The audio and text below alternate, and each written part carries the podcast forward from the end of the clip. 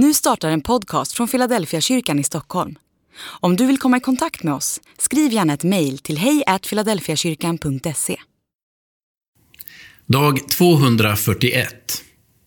Kärleken till pengar är roten till allt ont.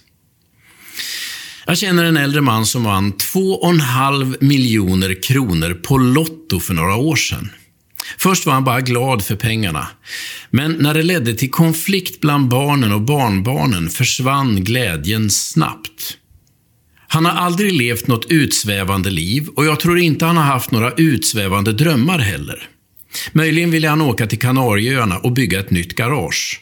För det var det första han gjorde när han vann pengarna. Varje vecka sedan Lotto startade i Sverige hade han lämnat in samma lottorad. Den bestod av några viktiga datum och tursiffror. Samma rad varje vecka i drygt 20 år. Sen vann han en massa pengar. Till att börja med var alla glada, men ganska snart kom diskussionerna om rättvisa och fördelning in i familjen. De tre barnen som alltid varit sams började bråka, för att inte tala om deras respektive. Jag inser att pengar kan vara en stor välsignelse när de används rätt. Men lika ofta, eller oftare, är pengar grunden till besvikelser och konflikter. Paulus skriver till Timoteus. Tomhänta kom vi till världen och tomhänta ska vi gå ur den. Har vi mat och kläder ska vi vara nöjda. De som vill bli rika låter sig snärjas av frestelsen och faller offer för alla de dåraktiga och skadliga begär som störtar människorna i fördärv och undergång. Första Timoteus kapitel 6, vers 7-9.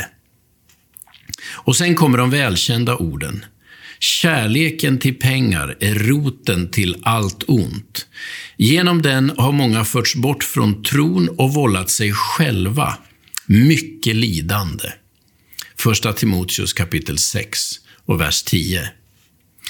Pengar är nog inte skadligt i sig, men kärleken till pengar, det vill säga tron att pengarna ska kunna skänka oss lycka, salighet och mening, den är en av de skadligaste förälskelserna ett människohjärta kan drabbas av.